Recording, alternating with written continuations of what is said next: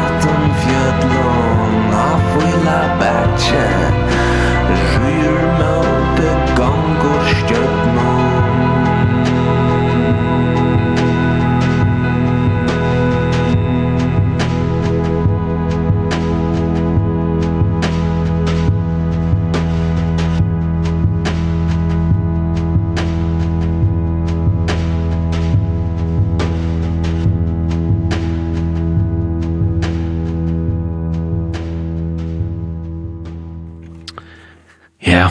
Hatta var utrolig vakkert. Det er helt fantastisk sanger. Og annars tre for sanger spalter i sendisene, eller i utvart med mine, og tverfer ned av i hessersendisene, og ja. for i går morgen for jeg slutt. Ja, så hatt det over djevla sanger. Jeg vet ikke hvor han, han drukna over det. At han var, han var en større kanninger arbeid til. Ja. At han var Hannibal tja Lian Hansen, eller bare Lian som han kallar seg. Og ja, og en døydig sanger og Vi sitter her, Eila Sørensen og jeg, Mona Løysen Hansen, og sender Bøynes her i studio 4 og i Sorsen studio i Havn. Og vi tar var spil først uh, Viko, og vi spiller først kantonlag. Og vi sitter og lukker vel, så vi tar oss sms-skipen som er 22-14-0 åpna, hvis vi tar gått på på en uh, første sangperiode som kanskje har uh, tørva blöd stöv där man säger pussa sin, polera yes, pussa right, ja. Så så är det välkomna sent in att 2400, och vi har inte SMS som säger så lais spelar man förrest skide gott till på ska vi kommer det. Tack för det. Takk for det. Och en balk som ja, jag vet inte man kan säga han är censurerad men till man vara och så är det nervig att vi inte är censurerad utvart. Tar blir ju ofta spalt i utvart. Nej, tar blir det Ganske sent och gult. Natten. Ja, natten, jag vet inte. Men uh, tar jag ju näck ut och tar hållt vi som det kände platen nu i studio og vi er litt sørste hånd til henne, og hun skal vi snakke et arbeidshøyt i Gussi Reivhars, og det er glede av dere til å høre han. Det er en fantastisk rockbalkor, Han det største for sig rockbalk så 20 år vil det sagt. Ja, 100 allt.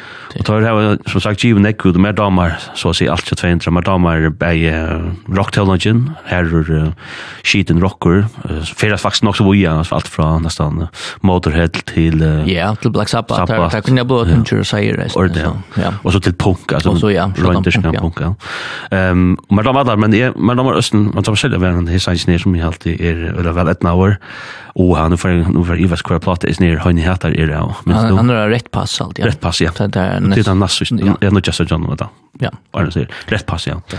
Och um, till er nu alltså det det det folk folk skulle glömma att det är fantastiskt shot under allvar ju utanligt det finns så fantastisk humor alltså det räcker alltså jag älskar humor nu då men det är allvars humor alltså det ja. det synger om fördomar om om härtor och arbetande sätter alltså mittelfolk och och och och och till samhällsbalkar fanskapet det första samhället som man säger. Ja som man säger. Sen en samlar vi det vi går galant. gala men så är det också nu en sån twiste som gjør det inte allt det vet jag. Ja, han har en sån rockabilly rut ja. som ja som sin distanserar fra hånden ganske sent, ja. ja.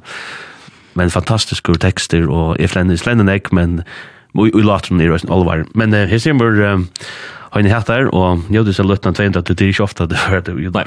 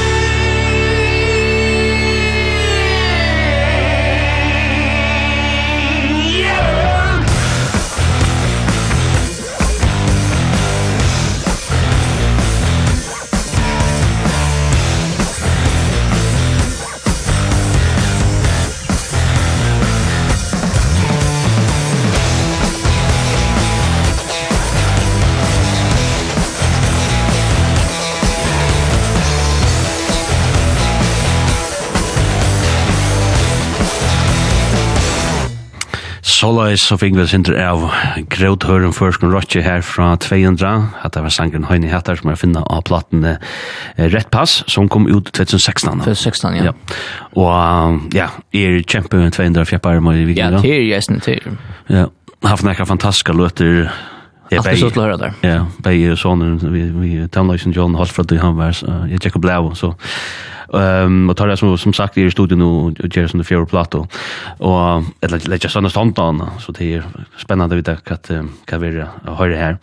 Ehm vi sitter som sagt i sända bara i ser i studio ehm studio 4 här short studio här i Havn och Havs ett fage för det nollons SMS skipan öppna och jag skriver in en rock och för ju er ett gott namn Rasamanas och Visible Fish Clumda Perler Korea Tipoy. Ja, att det var så. Rock för ju är rätt. Her det noe glemt av perler. Det er et interessant konsept, at det var simpelthen sett i gang da, eller en ekvalg. Det kan balka kom, yeah. liksom, borsi ur, onker kjønn var ganske gang, men det kan bli liksom gjørt til at det er 200, man ble gjørt til en rockefører platt. Ok, ja. Rockefører, ja, utgå.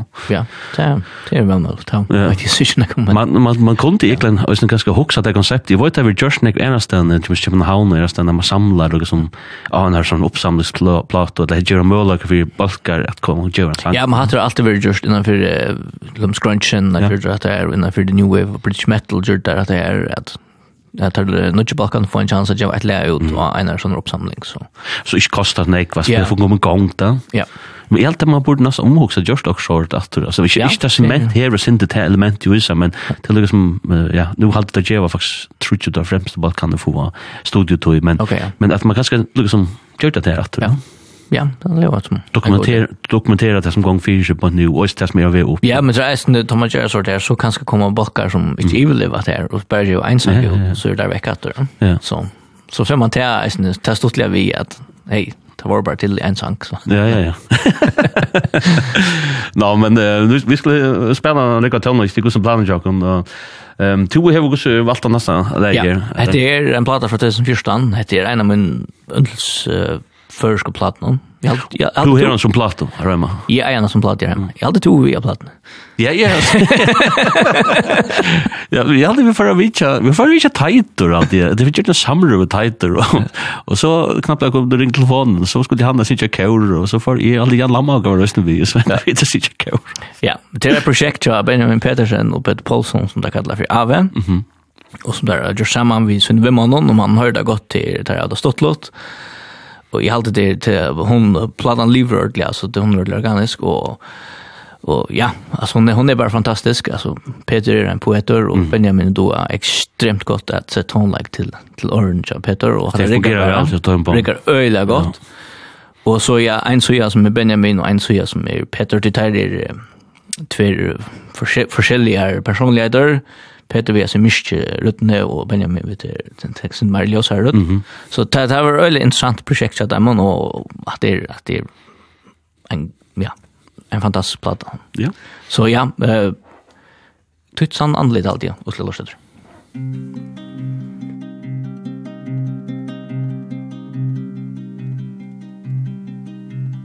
Jag har sett et sann anlit Jeg har vi hørt. Den hjärsta sang. Jeg har vi sett Hvor du erst Jeg har vi kjent Det du gjerst Jeg har vi sett Du er ståndjen Jeg har vi kjent anda trött. Jeg har sett et sanna linde. Jeg har känt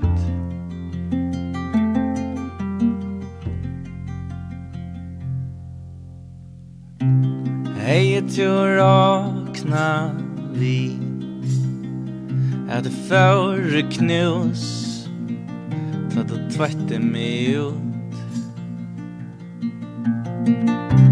Helt du er Jack til grundar Nei, jeg er sterskare Enn ta jeg så til. Jeg har sett at du er stangen Jeg har kjent Til nanda drott have har sänt ett sanna linde. Have har känt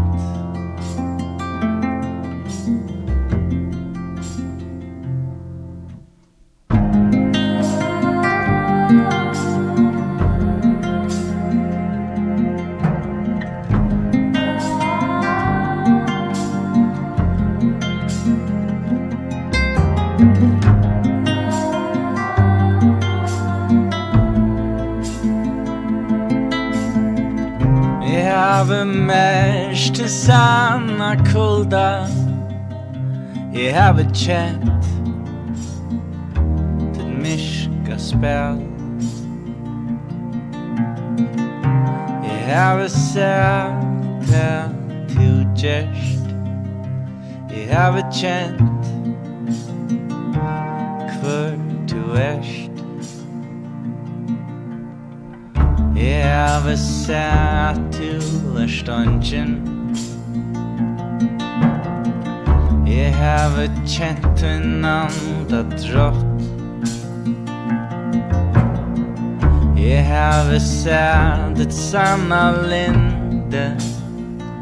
Jeg a kjent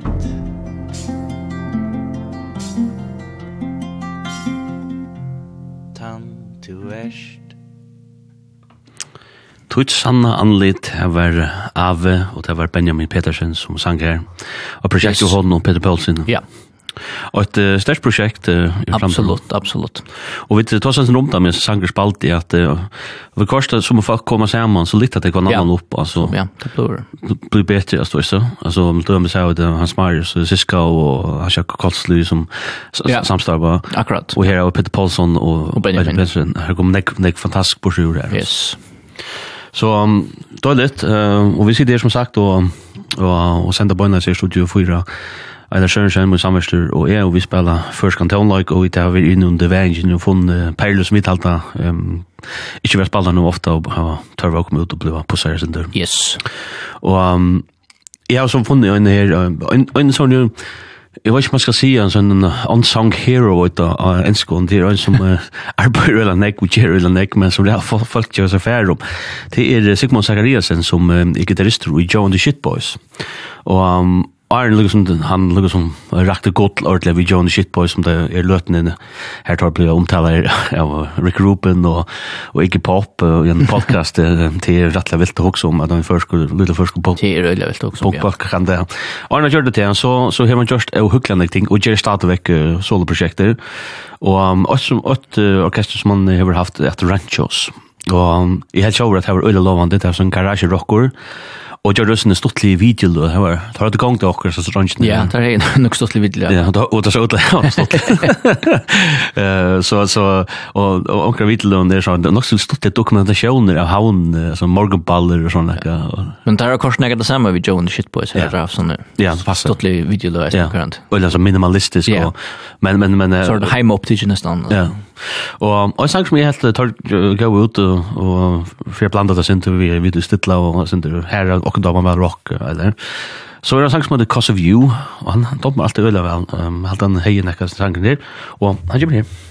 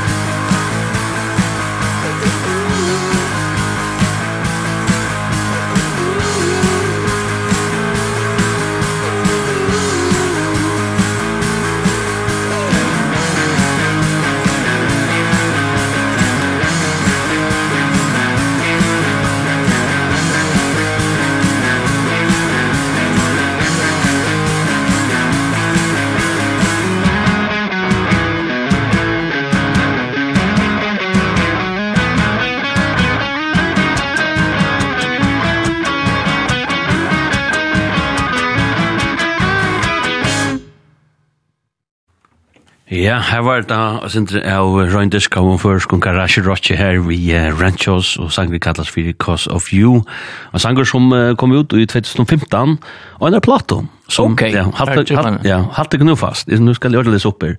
Plato heter Feeling Like a cage Lion Pacing Behind One-Way Glass. Ja. Ja, det er sko. Det är sko. Det er sko vad som vill lägga. Ja, det er rätt det bästa jag sa. Alltså jag, jag visste inte även det så fight alltså jag jag inte jag jag valde fält väl vid Sigmund och Zachariasen.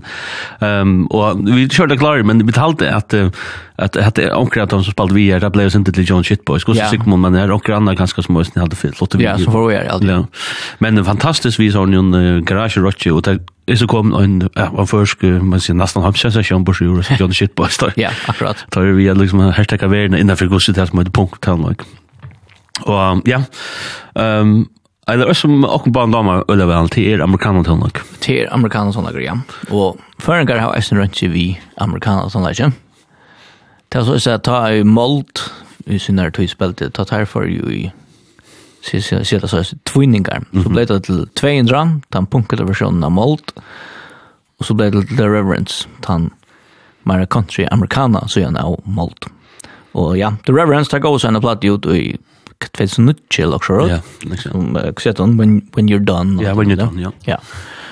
Og så har man faktisk en kjørs til der søyan. Og i uh, 2000 og Seichan går der en, en single ut som heter Sometimes I Wish. Mm. Og ja, så har jeg da vært fri rundt om andre bolsen. Jeg har alltid her godt kunne jeg komme yeah. atter og och börja köra tonlike typ. Det var faktiskt en rättliga god bolker. Tack så ser man som säger. Jag har startat sommarfestivalen om ta måndag att gå så här. Det var nog ju tjej kan eller inte det kan. Jo. Ja. Spalta någon fina konsert. Det var så god konsert. Stortliga vi då jag snackar om mold och då som tonlike og 200 og Reverence. Altså, jeg, jeg elsker 200 som jeg har sagt før i kvöld, og jeg dyster The Reverence. Men jeg orsker ikke fyrt målt. Altså, jeg kunne ikke torka målt, og jeg har lurt alt, og, og det er helt ondalligt, egentlig. Ja. At, men ta, det er den balken som er, er liksom motoren til vøkken, tja, tja, tja, tja, tja, tja, Løyer. Løyer. Ja, som sagt, så er Sten Sankren er ikke ofte høyre utvarpen alltid. Jeg, vil, jeg, jeg vet ikke om jeg kan gjøre stand. Han er sikkert spilt rundt, men uh, han kom så ut i, ja, 2016, Sometimes I Wish.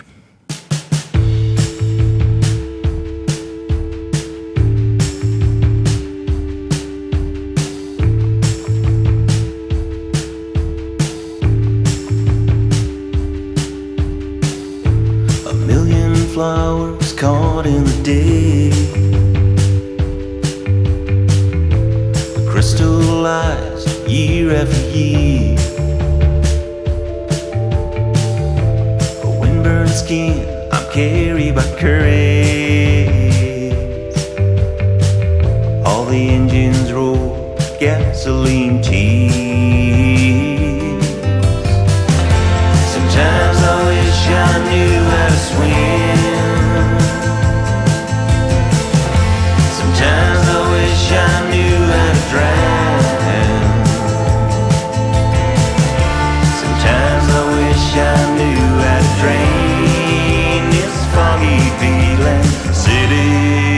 fire. Closing doors, colored numbers. The big red wand is all I see. They smile at me, get off at the next floor. I stay right in, stay right here.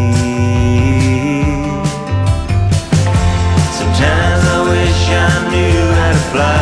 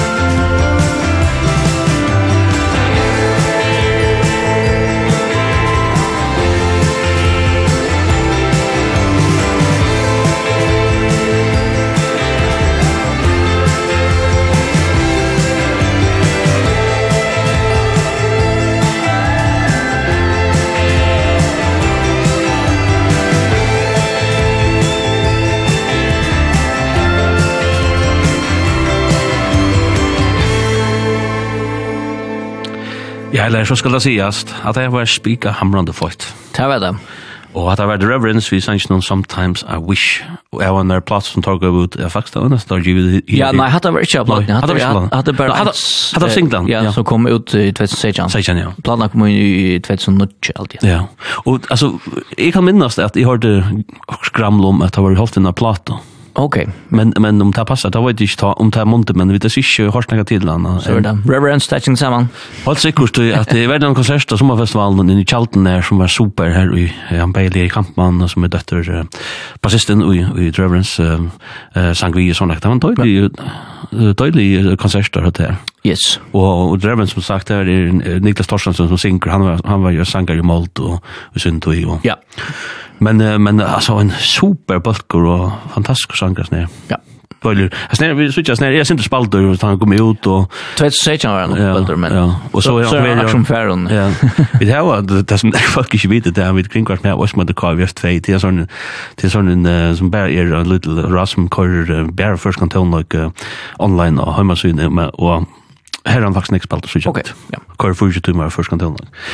Um, vi sitter her i Studio 4 og sender bønnes Eiler Sørensen med samverster og E. Ondløysen Hansen og um, vi tar oss sms med 2400 22400 til velkomna skrive inn vi uh, omkring bøy på omkring første sangperle som ganske haft uh, tørva å komme ut og bli på sin drev og spalt i utvarsen vondt i at det som vi gjør her vi rønner grevåkne inn under veien og finna sanger som vi talte på alt og kjølna spalt der Og vi funnet så Leon, han sier Hannibal som bare spelade trutja for. Yes, ja nu har han spelat trutja. Det var tvär för några år.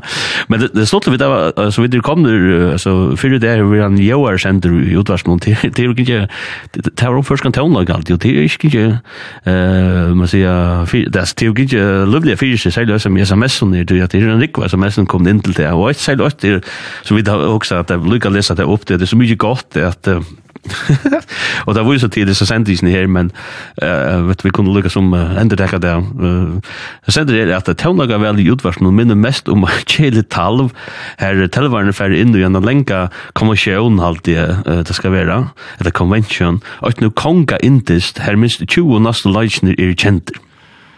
Så las kjennes det tender på klokkan halkan åtta. Du kan for å si løyen i halvt fram til klokkan tutsjo. Ontsje er vanta, ontsje som kittlar og klaurar. Bæra røyn, vanilja og flajal. Nu er det ikke alltid vi er lukka ovant av skoj som löjdstøy, men at det men at det er uppblåster fra unna så skoj och vinklen är allt. Sådan. Sådan. Ja, det har gått shout out men en fantastisk SMS måste jag väl väl skriva här. Tack för det där det som skriver in till det Men um, vi det vi spelar först vikne och vi spelar först kontorna gå. Ja, du ska vi lägga finna det kvar vid er länder nu va. Det var stå kan det nästan. Ja, jeg kan också mer spalta den her. Og En en min indus först kontorna går til er Høgne Lisberg. Yes. Uh, og Ja, jeg, jeg hørte faktisk, jeg sier i uh, Susana døtter, halte hun kallet seg, sier Hansen, som vi kjenner han inn i Skalafjøren, hun var i brunch lærdagen, og ta han nevnte hun, eller spalte han sang til høkken, og nevnte til vi at han burde være menneskjenter, og han er til å av som vun her, han er kommet rett og lengt, altså i måte vi som tøvner ikke. Ja, han kom vi i flere teltspøl, så. Ja, så. som er en stor bransje, ja. Så han er kommet nok lengt, men, men kvaliteten hans tøvner ikke er utrolig god, jeg halte vi spiller nekk for det i høkken. Uh, og det, jeg har haft han i sendingskjammer, og det er størst fornøyelse, og gleder meg å få han natter og kjøtt han her. Og jeg får jeg fri for muligheten at han spiller først kan tøvnløyk. Nå spiller vi som oftast, at vi, jeg sender ikke, er det som oftest utländska tøvnlag, alt enn at du tøvnlag til å bruk for å spille det. Men så er det ikke alltid muligheten å spille høyna. Og jeg har spillet en, av Nutsch Sankron Tjone som kom ut i 2020. Alltid et langt nok, jeg har en jo, on your side, og det er sangen her.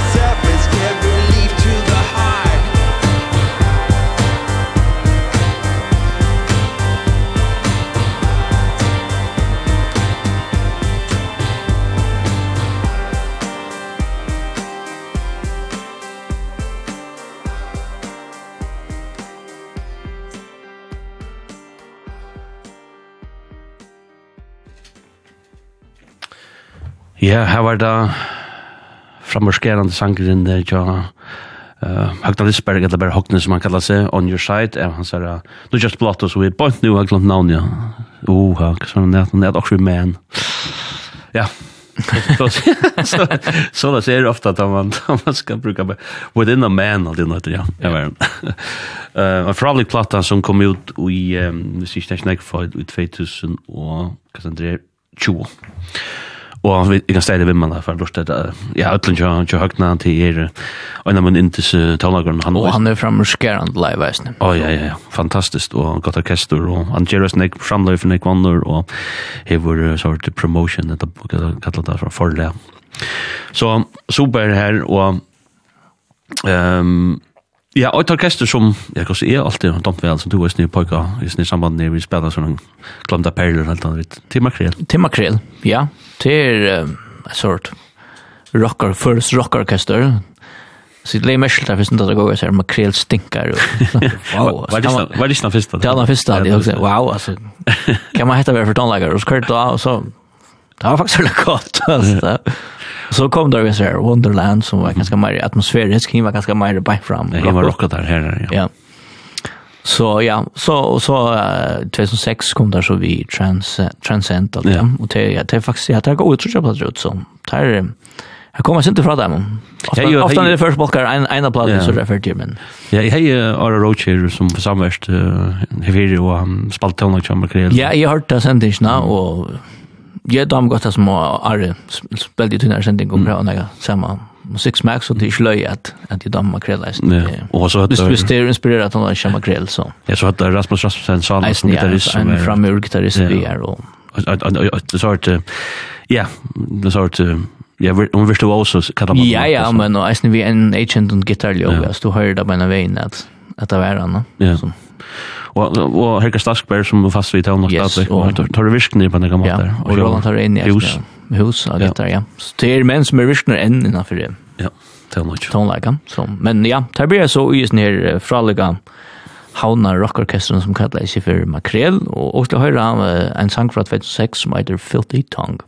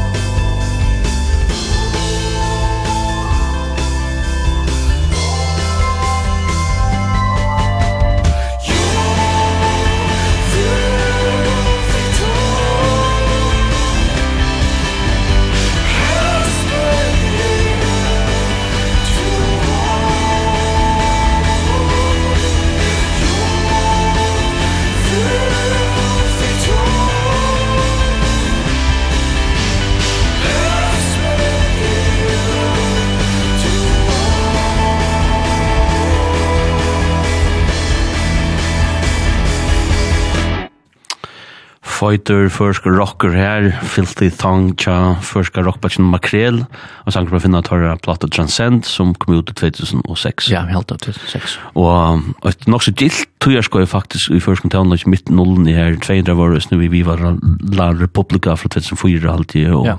Makrel var røla virkner, og nek balkar. Det var nok rockbalkar som var det, Gjordjumsjær. Ja, ja det dyr grejer. Preferja var en till då. Det skapade några röringar sen. Ja. Cement är så kommer men alltså och det är gott. Alltså det ger oss inte en motivation.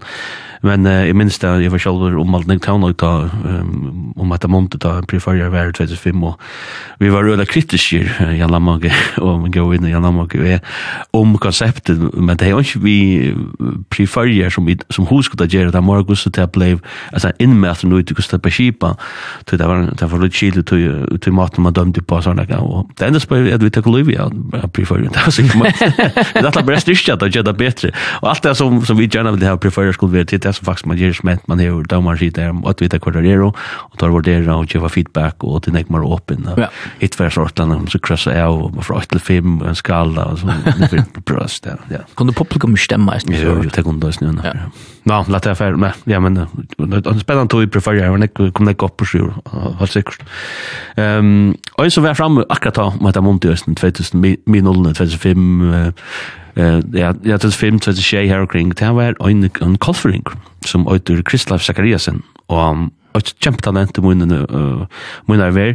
Han uh, gav tver plater ut uh, som uh, faktisk ligger av Spotify men det ligger som det kryptisk under tvøm imenskom altså artisten av han det er bare Chris Life um, her ligger så den som uh, Under On The Road. Hon kom ut halvtid i 2006 hvis ikke det er snakk Og så er en, en sånn artist som heter Kristoff Zakariasen, Zakariasen var nesten der, og her ligger så hins som heter Little Lizzie Bletter, som kom ut i, i 2005 eller 4, 2005 aldri. Og da fyrir jeg bare først hinner, hinner større mån ensk aldri. Og jeg tver, så er det imiska plater, men uh, tver aldri jeg sjálfur er sterska plater, og uh, det stod til å være da jeg var liksom fantastisk til sendingen, så, så kom jeg for inn av Spotify, så sa jeg at, at han fyrir, øynebrukeren John uh, Chris Life, uh, uh, Mary the Christ Life, uh, han er jo altså, en monthly listener. og det tok jeg så, så screenshot jeg og sendte The Christ Life og sier, okay, no, next stop, uh, world domination. han sverre så at du øyla kjøtt og skriver så til boin at uh, han postet simpelthen en sang til seg som The World Song, som jeg finner altså platen her. Godt at sverre, vi røyde så skumpa som under Christ Life for å få en gang at det alltid er et, et øyla størst talent. Men uh, jeg har så, att atla meg har spalt en sang til honom her for rönda liksom att få folk gjøre folk være vi at kanskje att ingratta Leo är att det är som heter Kristla og hvis det dambor damt folk at han hålla sånn en ja for det er sin tur til folk nei, hva det Ja, det var för singer songwriter. Singer songwriter folk så så jag för lustet från honom ehm och han tar sagren som är för spelade här han åter flower player och han är finna alltså här 2006 utgåvan som åter on the road och kommer Kolfringren Kristla Sakriasen.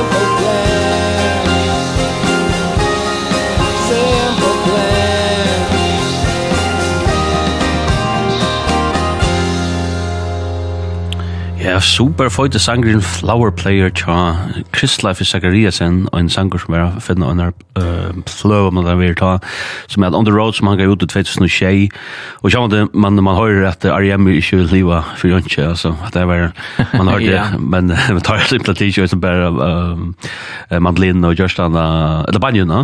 banjo, det var banjo banjo at det er, eller banjo Ja, da man, jeg sier Banja, jeg säger Banja. Jag tror jag inte säga. Adam Banja.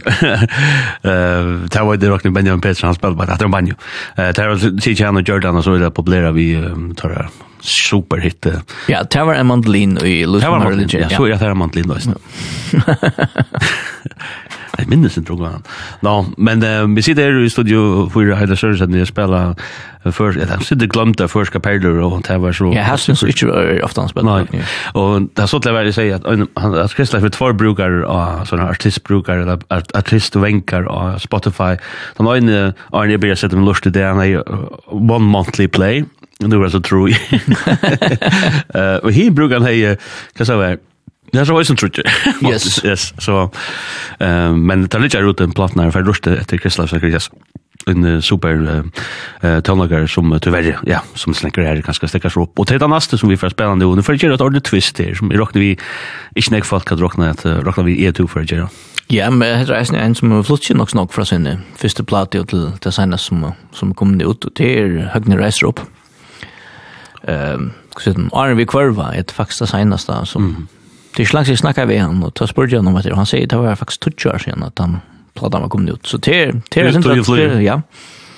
Men som sagt, ja, han har ju fyra studieplater ut og til først er kanskje mer singer-songwriter-aktig her. Og så jag säger, samröver vi fram att ta för han experimentera sin dörr och, mm -hmm. och så säger Arne, vi kvarva hon är ja, Alltså och som hade öle kände för det så alltså textliga var han kunde han vara öle krullot och rösta alltså. Alltså här var läcklo och texten ofta jobb. Okej ja. Inte allt Nej nej. Nej nej men ja. Men fyra plattor gick ut alltså. Det är ju inte. Det är ju inte alltså. Så han borde komma igång där. Ja, det kan man säga, alltså, det tycker jag sen senaste. Ja. Och du har valt en sån Ja, Det er en sang som heter Hver færre tankene ta eget tunnen leita ut av hev. Ja, og han er å finne av... Han er å finne av, jeg ser, Arnvid Kvarva. Og du nevnte jo et eller annet, det er også en sang. Ja, det er Olavur Jakobsson. Uh, som vi kjenner flest folk kjenner som, uh, som var spalt vid Geston. Geston, ja. Men som søgnast, ja, tog jo plus åren Arne heven livet som professionell tøvnaker i verden, og jeg flott til landet. Yes. Spennende hvor spalt um, sammen vi en sjåvung, så heter han. Og, Jan. Jan Tjersen. Ja. Eh, vi fastur eh talnarkar i Balchen John så det är. Yes. Det är sant. Lägg höra också det gör det samstarvet mellan Högna och Ola Joar och det kommer här.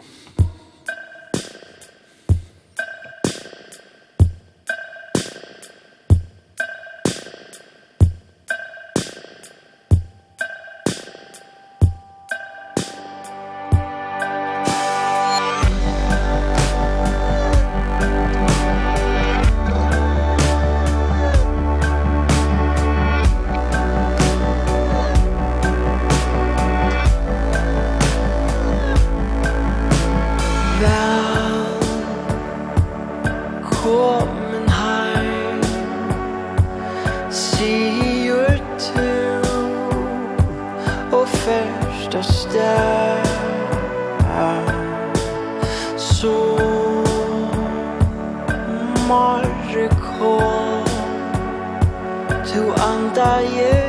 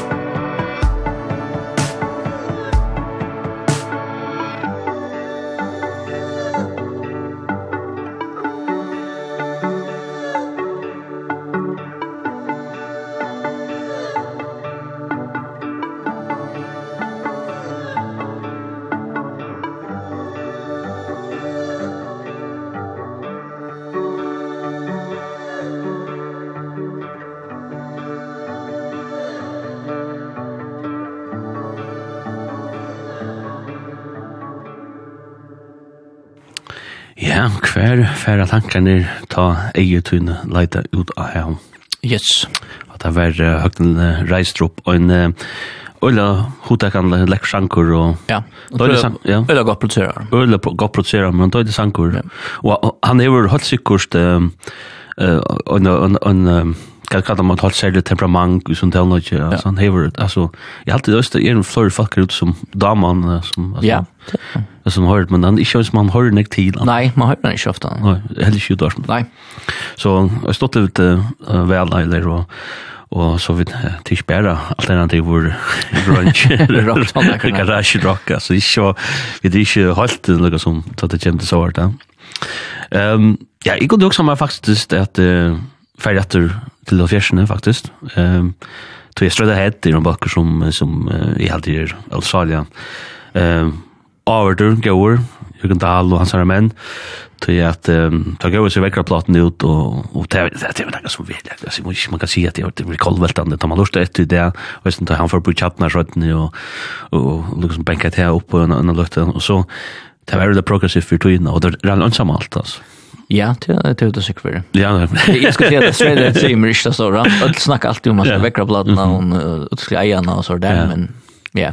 Men i dock till så Ja, ja, det är simpelt i dock vi att det är stäs ensamalt att det finns en en sån eh så så status som eh det har du så där han neck donan till tonlager till till löst kapping om. Ja, visst är några plattor kommer ut och har du ganska väl en av. Ja, ja, det enaste det har ju ett lock Ja, det enaste att vi så också om moderna alltså det prog progressive rock som kom där. Och tog ju finns ju ändå status. Men men det är sagt så så är så så är är donaskaper den donan så säljer ju kan som är en knäsan Donald är med som borde som har talent och att komma långt alltså jag syns inte han klar så funt men men men och så är det sån där som möter min goa damer men också väl ehm och Det då jag ner synte ja ja. Det är som prog rocker och sånt där ja ja nästan som förhållandes till tog men sån ballada men en sång som som man som hörarna så också man han borde nästan bli inspelad ordentligt nu Det det så vi till här är snäck knotter sanchen här och Och det är ju inte jag är skulle väl ta som det gör det men men det är så det gott och jag vill höra också det jag kommer ströda det vi men gå.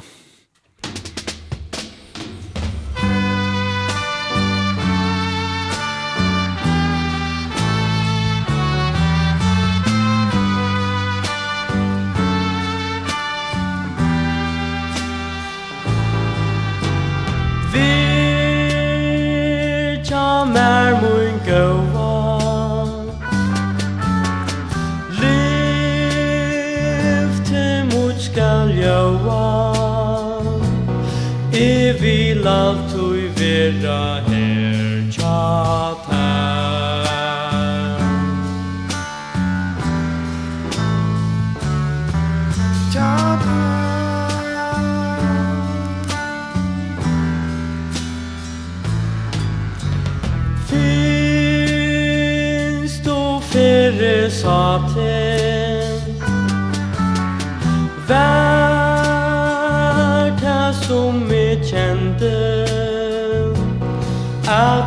føgt me ui tuin faun Blut tu seie mer tuit navn.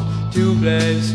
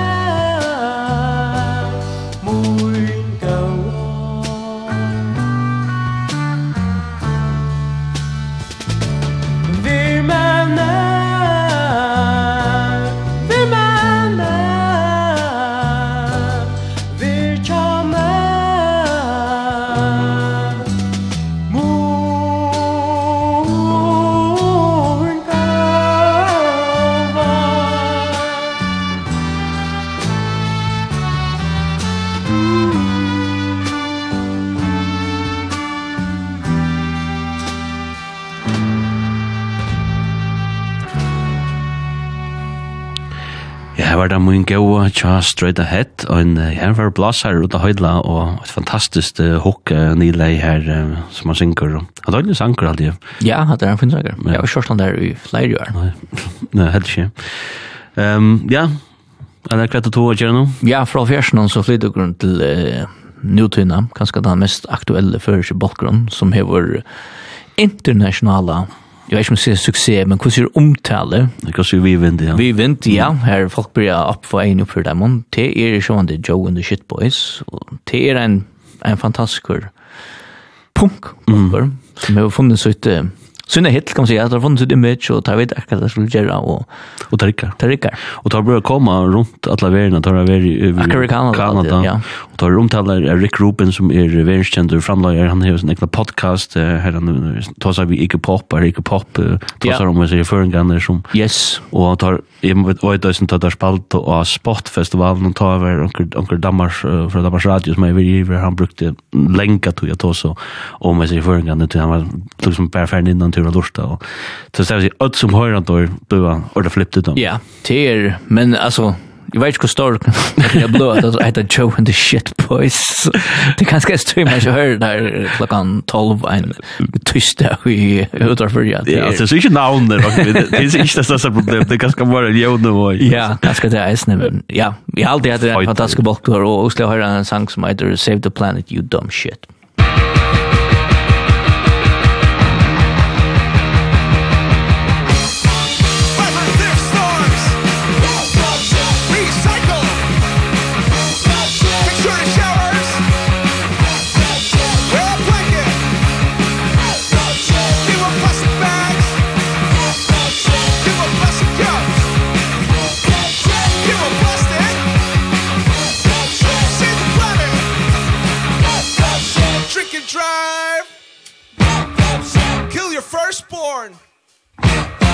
Sort your trash.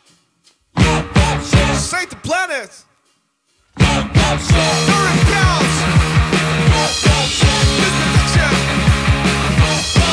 Be a vegan. Save the planet. Save the planet, you dumb shit. Det var, or Joe and the shit boys som framför det här. Och jag räknar och punkar. Og da har vi til søvne at Arne vi førte luften ned, så var det måtte jeg være baden kjent. Sangeren vi kjønte shitbøy som the free han Frie Jurus, han han er røysten og fremmerskeren sending som heter Ohorst, sammen vi Jasmine, eller Jasmine. Og det skulle ta opp faktisk, så kunne faktisk bruke hette studio, men, men så måtte jeg starte et annet studio opp og sette, sette rekord, så det kunne ta opp sendingen kjønte om Ohorst. Jeg har glemt å høre hva det er på det fremme først, kunne Yes. Fantastiskt, som gå sangras ner, spårningar om hattar ganska var först fram på svalter till er. Jag vet inte om jag har för det, men hattar är av till nästa platten som är The Reason for Hardcore Wipes Again. Again, ja. Ja, fantastiskt. Och en, ja, spottla fyrtjat dem och yes. så förgängat dem. Du, ehm kvart skulle vi finna på nu, ja, vad ska att, ehm ehm skulle vi täcka, vi har såna arsenala sangen här som vi Jeg hade vidt, uh, skulle færre ut til den uh, Sanji Kjøpet Paulsson som du valgte. Uh, ja. Uh, god var det to som kjørte til fanen. Mm -hmm. Altså Peter har gjort flere soloplater. Kan du gjort trutjær, fyra? Ja, Ja, spyr meg. Og ja, dette er sånn som jeg tyst meg. Hun er transit alltid hun heter. Og ja, som sagt, så er Peter er han, han er en utrolig god ryskjære. Så... Mm det är öle väckt att han för orange och, ja. och han han dår är snyggt gott att finna folk til at samstarva vi ser til at göra förskilda plattorna. Ja. Boja Lertsen i fyrstene og ta en Jeresi her så är det Benjamin Pedersen at nu som, som sedan blev til Ave. ja. projektet till timmarna. Og Peter var ödla visst inte till värre at han fick en tillbord som stäckade men han var ödla ja. näkv ut. Alltså, ja, han gav några plattor ut og Tokyo var ein og mm Ja, ja han tror alltid det kom ja. Och så var han vi i Visible Fish och han var vi i Clickcase og och Ave och Tuxedo Rebels mm. och ja. Så, så han har just eh, extremt eh gåan tonelike, like och han var öle viktig för det første rock scenen. Mm. Han var nästan också så provokerende frontmauer. Mm. Så um, han truste jag kan säga gränsen alla men här är det kanske han en synd en kanske en ballad från Peter Paulsen en sång som heter God var det du som gjorde fanan.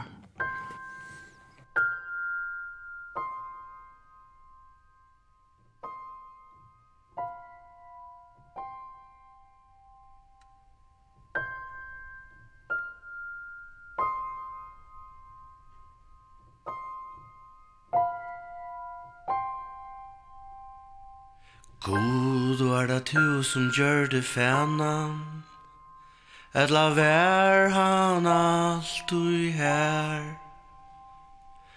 God du er det tu som gjør det fæna Et la vær han alt du her. Innan oi Otana Ui mittlen himmel og jør Innanor Otana Mittlen himmel og jord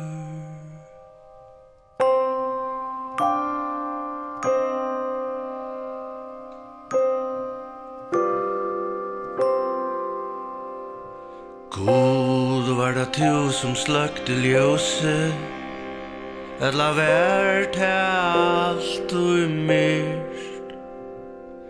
God var det tu som slagte ljøse Eller vært alt og myr Innan år, utan år I mittlen, himmel og jør Innan år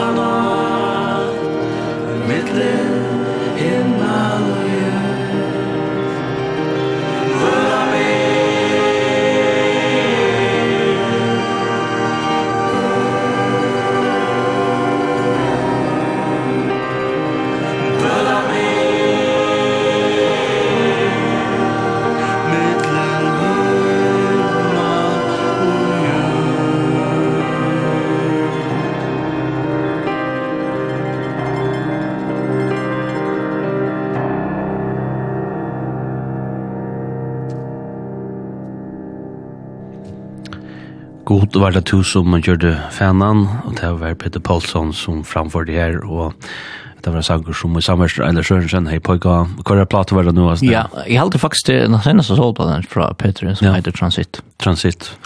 Og um, jeg hadde lust her etter Lødstein, vi senda på en i Studio 4 i Sørste Dudje Havn, Og til sammen vi spiller først vikna, så vi um, grev okken og sender inn ut veien og prøver å finne sanger som vi talte allt och själta vi har spalt i ljudvarp någon. Yes. Och vi där var ju omkring eh eh eller ja, vi där var allt från punkrock till uh, Jag vet inte. Ja, ganska elektroniska folk online och amerikana och Men uh, to pojka et orkester som um, Ja, det er ganska skilt vi Peter Paulsson. Ja. Vi hade snär var basspelare i Clickcase. Ja. Det er Jens L Thomsen.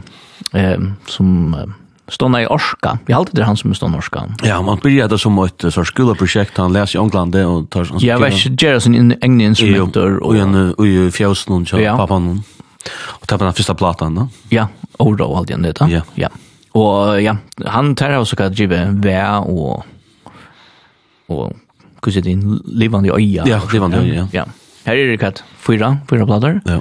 Men jag hade där ett en duo. Ja, det är sort. Att det det det flott det man kan säga det levande och levande världen närmast som som Brightsalt in, va? Ja, men han men han, han, han experimenterar nog med Johan och han är en fantastisk producer det att alltså en en av de bästa som vi gör här var alltså vi syns vi syns den bästa så absolut han är ju just något han just något gå för ska plattor och så hör han det fantastiska orkester som eitir Orskan. Mm. Og i 2014 går det en platt ut som eitir Leipzig, og av Habban skulle høre leie Leipzig 3, We Have Fallen Into Each Other. Mm.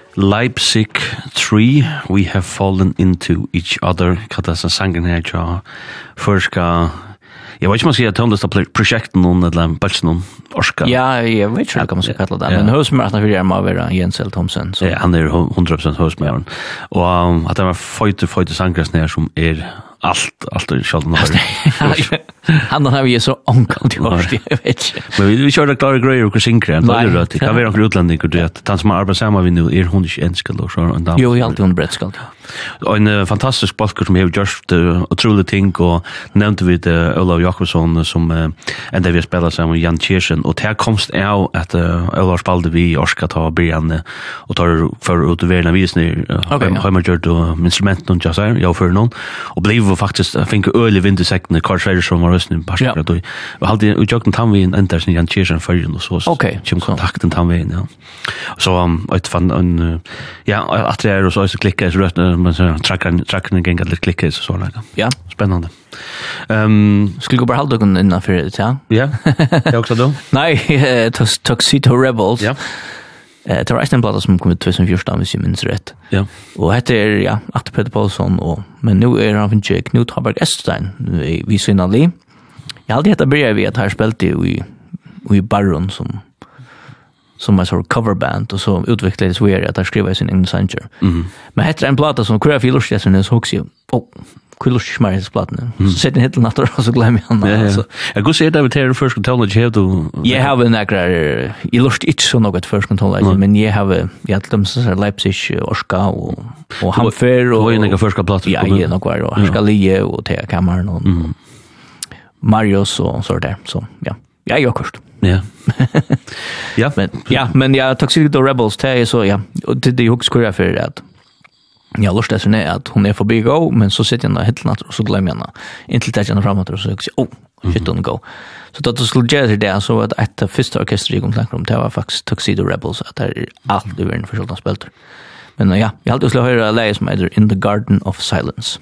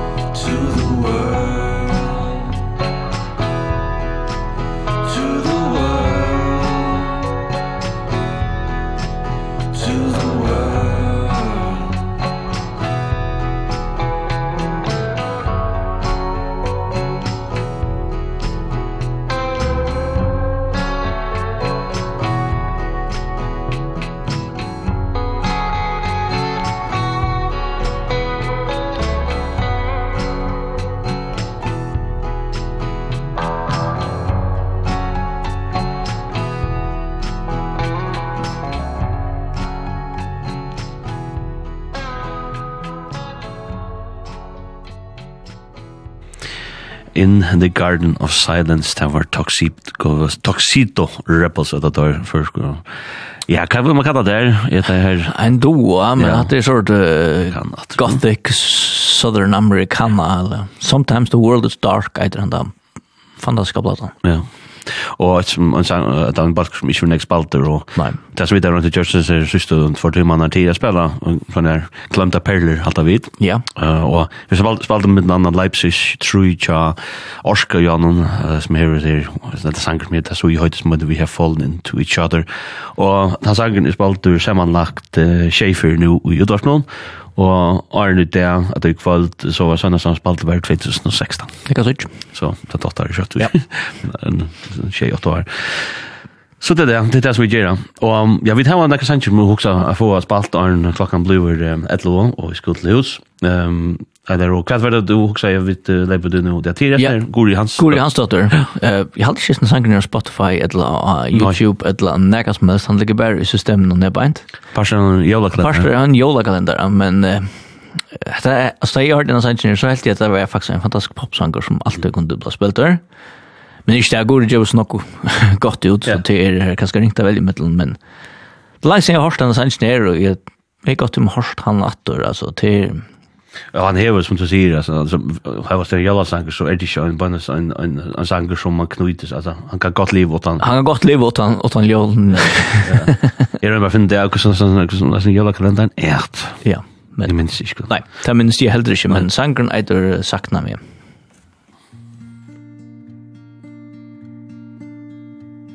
Jeg held det sa til, det måtte være tur. Jeg suttje til i fjöldene Jeg suttje til i beint nu. Men hver jeg fer en annar Som Luigi stær Jeg hokse vi meg sjálvan Langt just her eitir meg. Ta tu et i morgon med Edla bosta ten Manglar ta mun later Mine eio Ja alt ui sen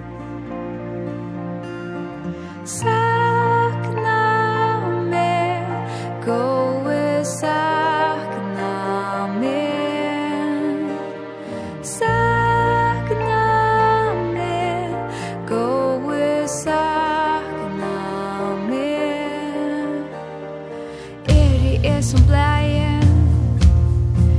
the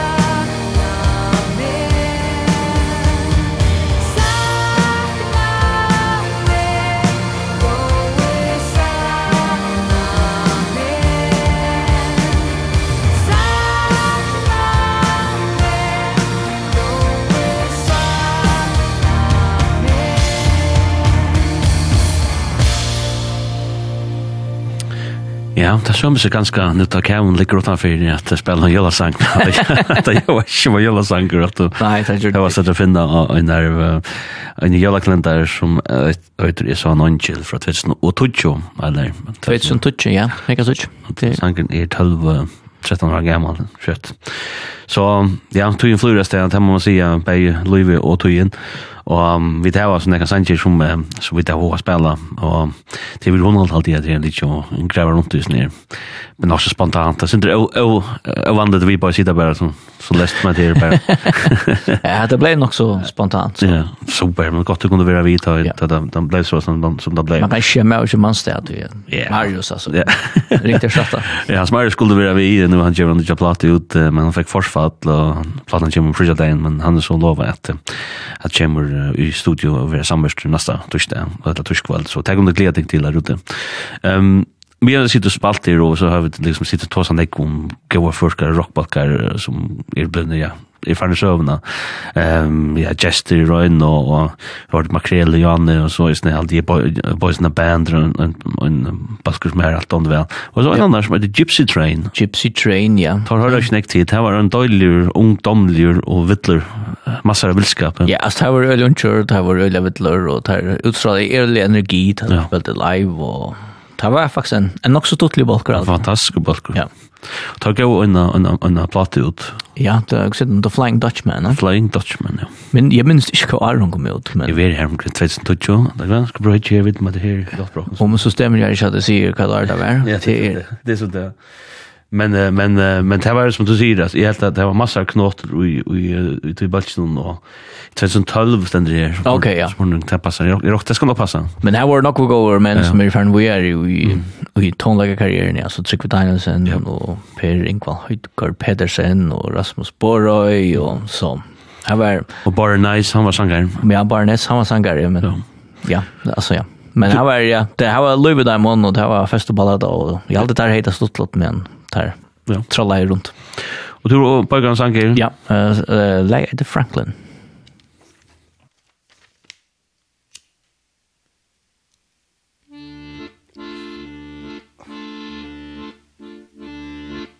Franklin was 17 going adult He was a dreamer And wanted to become the leader of a puppet show.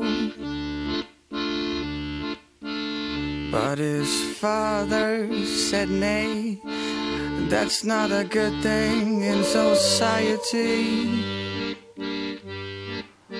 So we show them the formula of life That it's life as it should be. Franklin took a look back and started crying. Because he didn't want to live that way but had to follow the footsteps of his father and die.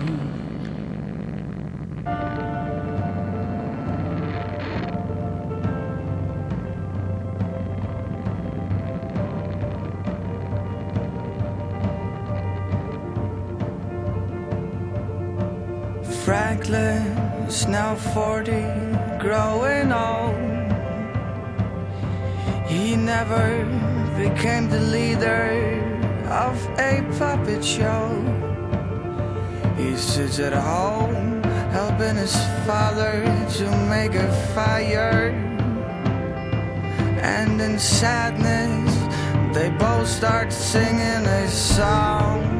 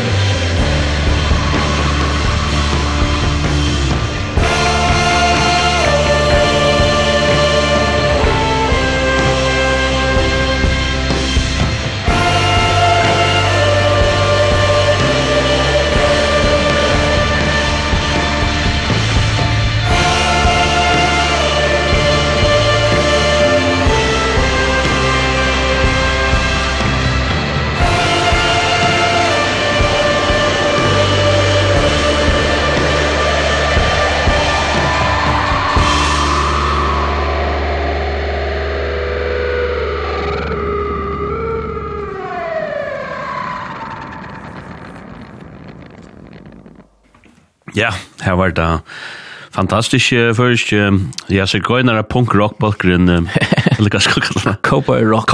Cowboy punk rock så grønner bakgrunn ja jeg vet ikke hva det var um, Gypsy Train. Yes. Vi sang ikke Franklin. The Flying Dutchman. Ja, et plata. Ja. Og kom ut alt i 2012, alt i kipan var så rett, og det var om her 2012, 2012, at tror var velmakten, ja. Ja, det var det. Og det nek var gode konserter som var faktisk alltid et kjempe opplevelse. Det var et opplevelse. Så det var rommet minnes det, brukte alt rommet rundt og rundt, og Vauro Blounger og, og Garri etan vittler. Yes.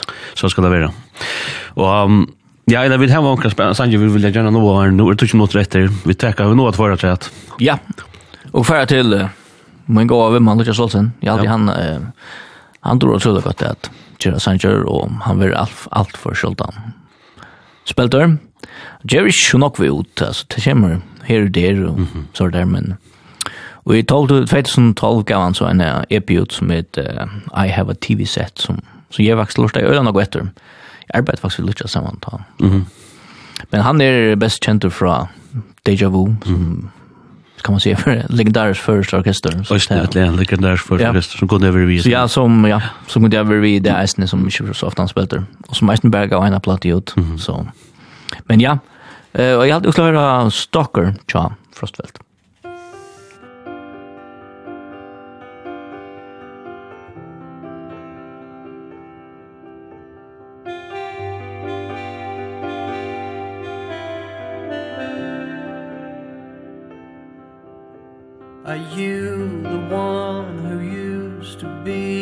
love.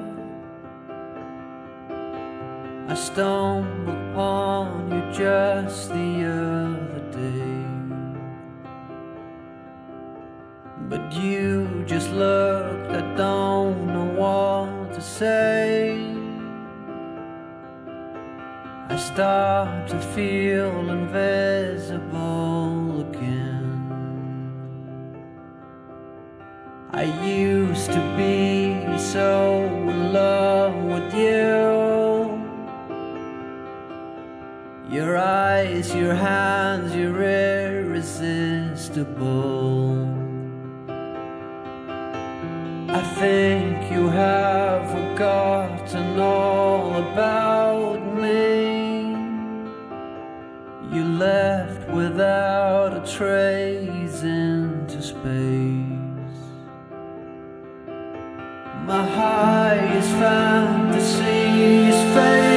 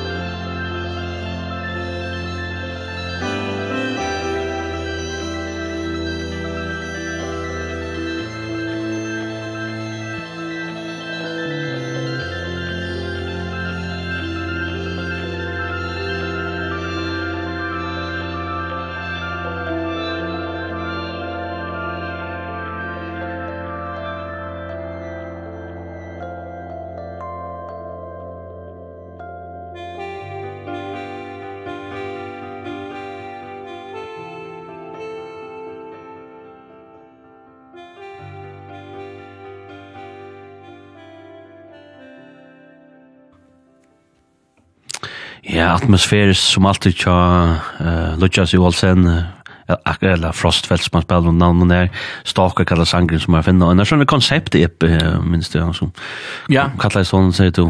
I have a TV set. Ja. Hon är ja. 2012 alltid var faktiskt altså, rettelig gott alltså de har rätt då altså.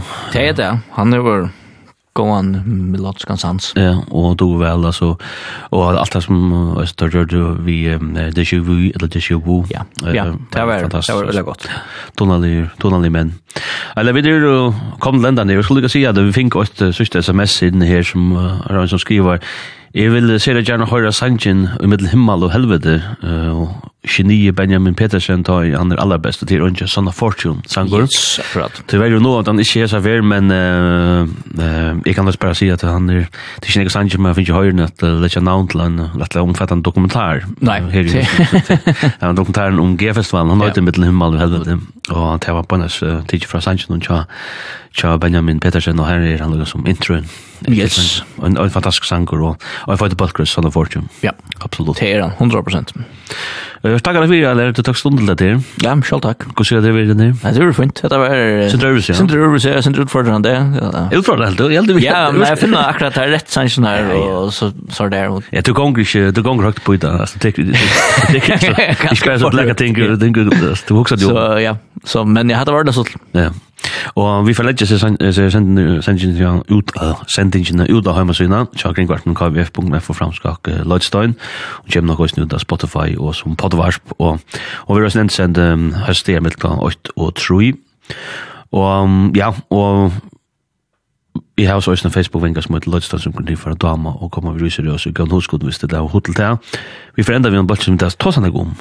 Ja og han er en fantastisk balkar. Du damer, ja. Jeg damer øyla godt. Det er ikke min indisk balkar. Nei, men um, det er første plata kom ut i 1996, beint 18 grunge, og det var grunge. Og det var... Um, det skal du røye, at det var grunge. Ja, og det er ikke om det malt, altså den der første platan er mullish mulli, altså jeg traller seg mm altså det var...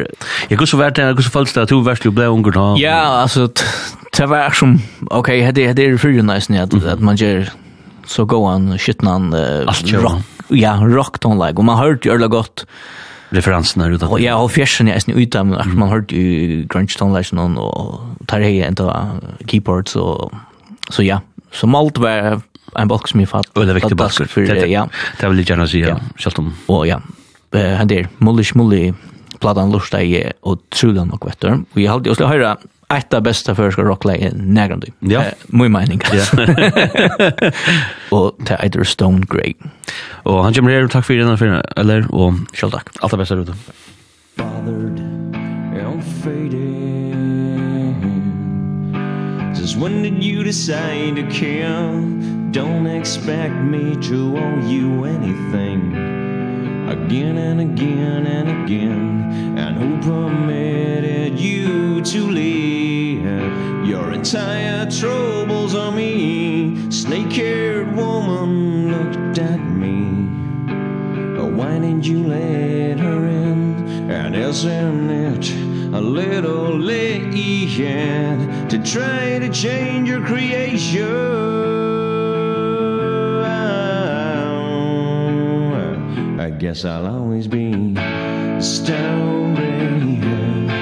A A molded, love-grown pale stone.